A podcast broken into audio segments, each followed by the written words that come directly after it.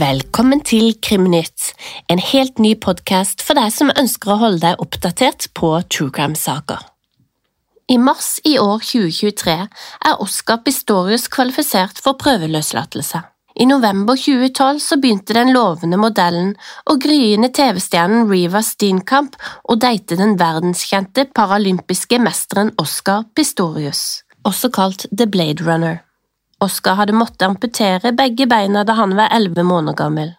Da Riva var 20 år gammel, hadde hun brukket ryggen etter et fall fra en hest og måtte lære å gå på nytt. På valentinsdagen 2013 mottok nødetatene i Sør-Afrika en telefon fra Oscar Pistorius sitt hus, der det ble meldt fra om at en kvinne hadde blitt skutt. Riva Steencab hadde blitt skutt fire ganger mens hun sto innelåst på doen, som var et eget rom inne på badet. Det var kjæresten, Oscar Pistorius, som hadde skutt henne. Saken fikk massiv medieoppmerksomhet verden over, og i 2014 startet rettssaken mot Oscar Pistorius. I retten hevdet Pistorius at han og Riva hadde lagt seg for kvelden da han våknet av lyder på badet. Han ba Riva gjemme seg, mens han selv tok pistolen og gikk mot badet. Da han åpnet baderomsdøren, hørte han lyder inne fra toalettet. Han la også merke til at badevinduet var åpent. Oskar skal trodd at det var innbruddstyver, og bedt de som var på badet om å komme ut. Da det ikke skjedde, avfyrte han fire skudd mot døra. Oskar løp, ifølge ham selv, tilbake til soverommet, og det var da han forsto at Riva var borte, og at det var hun som hadde vært inne på doen. Oskar skal deretter ha brukt en øks til å åpne den låste dodøra, dratt ut den skadde Riva mens hun ennå var i live. Oskar ringte sikkerhetsvakten, og ambulansen kom raskt til stedet men livet til Riva sto ikke å redde. I retten kom det frem at Oscar Pistorius og Riva hadde et stormfullt forhold. Oscar Pistorius hadde ved flere anledninger, den korte tiden de hadde vært sammen, utvist en veldig sjalusi. Dette fremkom fra tekstmeldinger sendt mellom Riva og Oscar i ukene før drapet. Aktoratet hevdet til retten at Oscar Pistorius tok livet av Riva i en sjalusikrangel, og at Riva hadde låst seg inne på doen fordi hun var redd, og så hadde Oscar skutt i sinne. Dette begrunnet de med at hun hadde mobilen med seg inn på badet, og at hun ikke hadde låst døren om hun skulle på do. Det var også andre deler av Oskars forklaring som ikke stemte med det han fortalte. Oskar gråt mye da han avga sin forklaring, og på et tidspunkt så kastet han også opp. 14. september 2014 ble Oskar dømt for uaktsomt drap, og 21. oktober samme år ble han dømt til fem års fengsel, men han sonte bare ti måneder for desember 2015 forkastet Høyesterett dommen på uaktsomt drap, i stedet ble han dømt for drap. 6. juli 2016 ble han så dømt til seks år i fengsel, selv om han kunne fått 15.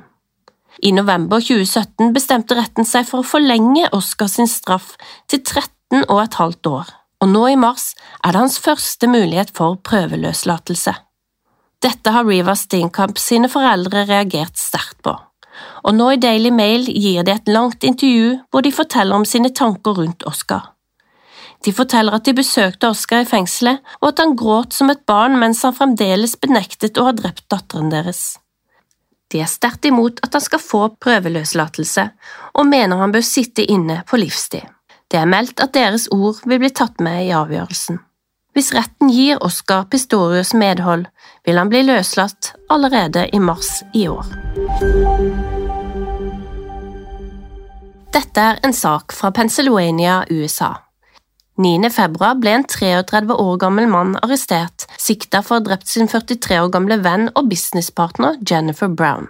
Han skal ha begravd henne i en grunn grav før han ringte politiet for å melde henne savnet. Mannen og businesspartneren heter Blair Anthony Watts.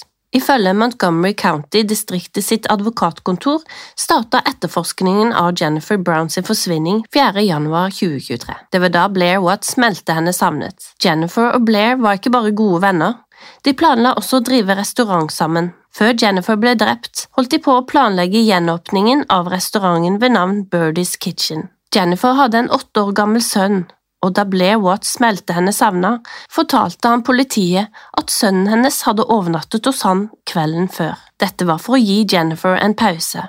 Han fortalte også at hun ikke hadde kommet for å hente sønnen da han kom med skolebussen dagen etter. Politiet syntes det var rart at Jennifer, som ble beskrevet som en kjærlig og tilstedeværende mor, ikke hadde sendt med sønnen hans daglige medisiner og rene klær på overnatting. Da politiet gjennomsøkte Jennifer sitt hus, fant de ingen tegn på kamp. Det eneste som manglet fra hjemmet hennes, var mobiltelefonen. Men da politiet tok med seg likhunder inn i Jennifers leilighet, markerte de på kjøkkenet hennes. De hadde også markert i nærheten av en søppelplass utenfor Jennifers leilighet. Da etterforskerne undersøkte kjøkkenområdet hvor hundene hadde markert, fant de flere sorte og hvite spraglende plastikkbiter. Disse lå nede i et langhåra teppe. Senere ble det fastslått at disse bitene stammer fra en hårklipper som senere ble funnet gravlagt sammen med Jennifer. Den samme hunden som hadde markert i leiligheten, markerte senere liklukt i to av bilene som Blair Watts disponerte. 19. januar ble det gjennomført en obduksjon av Jennifer, samt en blodprøve for alkohol og rusmidler. Det konkluderte med at hun hadde blitt drept med et uidentifisert våpen. Obduksjonsrapporten fastslo også at Jennifer hadde tre brukne ribbein. Underveis i etterforskningen oppdaget politiet at Blair Watts om ettermiddagen 3. januar hadde plukket opp sønnen til Jennifer ved busstoppet. Han hadde fortalt gutten at moren hans var på butikken for å handle, og at han skulle overnatte hos han denne kvelden. Deretter skal Watts og gutten ha kjørt til Jennifer sitt hus. Blair Watts gikk inn i huset mens guttungen ble sittende i bilen og vente. I et avhør skal gutten ha fortalt politiet at han reagerte da Blair Watts kom tilbake i bilen, og han hadde morens mobiltelefon i hånda. Guttungen kjente igjen telefonen fordi moren hadde et bilde av guttens skole på den låste skjermen. Da politiet undersøkte mobildataen til Jennifer og Blair, kunne de se at begge telefonene hadde beveget seg vekk fra Jennifers hus, slik sønnen hadde fortalt. Telefonene skal så ha returnert til leiligheten en stund etterpå. Senere slo de inn i et annet område før Jennifer sin telefon døde ut. Da politiet undersøkte forretningssamarbeidet mellom Jennifer og Blair og restauranten de skulle åpne sammen, oppdaga de mange røde flagg. Ifølge politiet inngikk de partnerskap 28. august 2022. Der gikk Jennifer med på å investere i Blair Watson restaurant, som skulle åpnes januar 2023. Politiet oppdaga også at om ettermiddagen 3. januar 2023, dagen før Jennifer ble meldt savna, ble det utført to banktransaksjoner til kontoer Blair Watts disponerte. Den ene transaksjonen var på 90 000 kroner og den andre på 80 000 kroner. Ingen av disse beløpene var en del av investeringsavtalen mellom Jennifer og Blair. Da politiet snakka med eieren av lokalet hvor restauranten skulle ligge, fortalte de at de hadde møtt Blair Watts året før. Da hadde han snakket om å leie lokalet, men de hadde aldri skrevet noen kontrakt eller inngått leieavtale. De hadde heller ikke mottatt penger fra han eller gitt Blair Watts nøkkel til lokalet. De kunne også fortelle politiet at 28. desember 2022 så hadde de gitt Blair Watts beskjed om at de ikke ville gå videre med noen leieavtale. Blair Watts hadde da blitt forbanna og trua med å saksøke dem. Men bare dager senere, 4. januar 2023, hadde Blair Watts dukket opp igjen uanmeldt. Han hadde da sagt at han hadde pengene til å betale leien og ønsket å leie lokalet. I en uttalelse gitt av Montgomery County distriktsadvokat sies det følgende. I 37 dager etter at den kjærlige og dedikerte moren Jennifer Brown ble meldt savnet, har etterforskerne samlet bevis, bit for bit for å få klarhet i hva som skjedde med Jennifer Brown, og hvem som drepte henne. Bildet viser at Blair Watts drepte henne 3. januar 2023. Deretter flyttet han liket hennes og begravde henne i en grunn grav. I dag sitter Blair Watts i fengselet i Montgomery County i påvente av rettssaken. Watts har fremstått som fornærmet over påstandene om at han skal ha noe med hennes forsvinning og drap å gjøre. Til en avis skal han ha uttalt at det var frustrerende å bli siktet fordi han var den første som ringte politiet. Det var han som forsøkte å sparke ned vinduer for å finne Jennifer og samtidig sørge for at sønnen hennes hadde det bra. Det er ennå ikke satt en dato til når saken kommer opp for retten, men det er ventet at det skjer før sommeren. Blair Watts sin advokat uttalte følgende. Blair Watts er uskyldig inntil det motsatte er bevist. Det er også en skam at distriktsadvokaten legger frem beskyldninger som fakta i et forsøk på å farge folks mening. I løpet av våren slippes det en ny dokumentarserie som tar for seg Tina Jørgensen-drapet. Natt til 24. september 2000 så forsvinner den 20 år gamle Tina Jørgensen på vei hjem fra Stavanger sentrum klokka to om natta. Fem uker senere blir hun funnet drept og bortgjemt i en avløpskum ved Bore kirke, 30 km fra der hun forsvant. Hun blir meldt savnet av kjæresten klokka 19 dagen etter. Politiet setter i gang en stor leteaksjon, men det ga ingen resultat.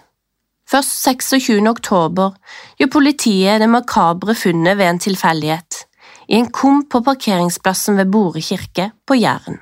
Obduksjonen fastslo at Tina Jørgensen var blitt slått til døde. I årene 2001 til 2005 er Tina sin kjæreste sikta for drapet. Etter syv uker i varetekt blir han løslatt, og i 2002 får han muntlig beskjeden av politiet om at siktelsen skal frafalles men det er først to år senere at han får det formelle brevet med samme beskjed. I 2005 ble han tilkjent en oppreisning på 50 000 kroner og 139 000 i erstatning for det økonomiske tapet siktelsen påførte ham. Etter det står etterforskningen stille, og politiet har ingen sikre spor å gå etter. En fantomtegning blir sendt ut av en mann i skinnjakke og dongeribukse.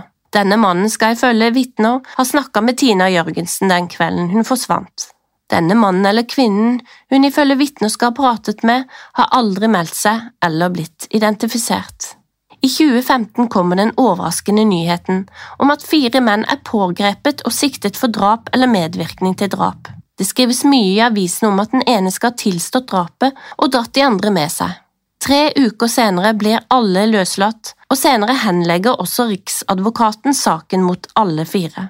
Kripos sin call case-gruppe blir satt til å se på saken i 2017, og ett år senere konkluderer de med at saken bør etterforskes videre, men i et begrenset omfang. Det blir deretter opprettet en gruppe som skal se på saken.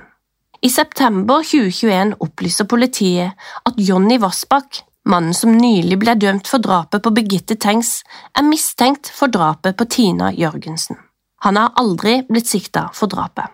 Nå kommer altså en ny dokumentarserie om drapet på Tina. På nettsiden hvemdreptetina.no kan man blant annet lese. Ranerne ble raskt mistenkt for drapet. Samtidig mistenker politiet også flere andre.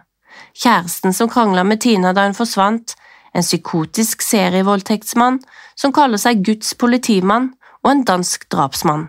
En livsfarlig nabo og en barndomsvenn som tilstår drapet, og til slutt en sexovergriper som nylig er dømt for å ha drept Birgitte Tengs og siktet for å ha drept Tina.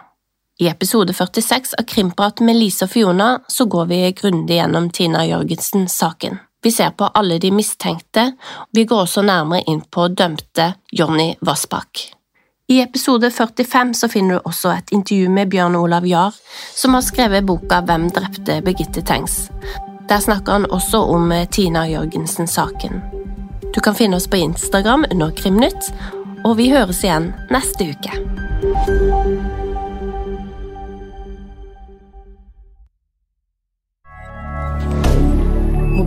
Media. Har du et enkeltpersonforetak eller en liten bedrift? Da er du sikkert lei av å høre meg snakke om hvor enkelt det er å sende faktura med fiken. Så vi gir oss her fordi vi liker enkelt. Fiken superenkelt regnskap. Prøv gratis på fiken.no.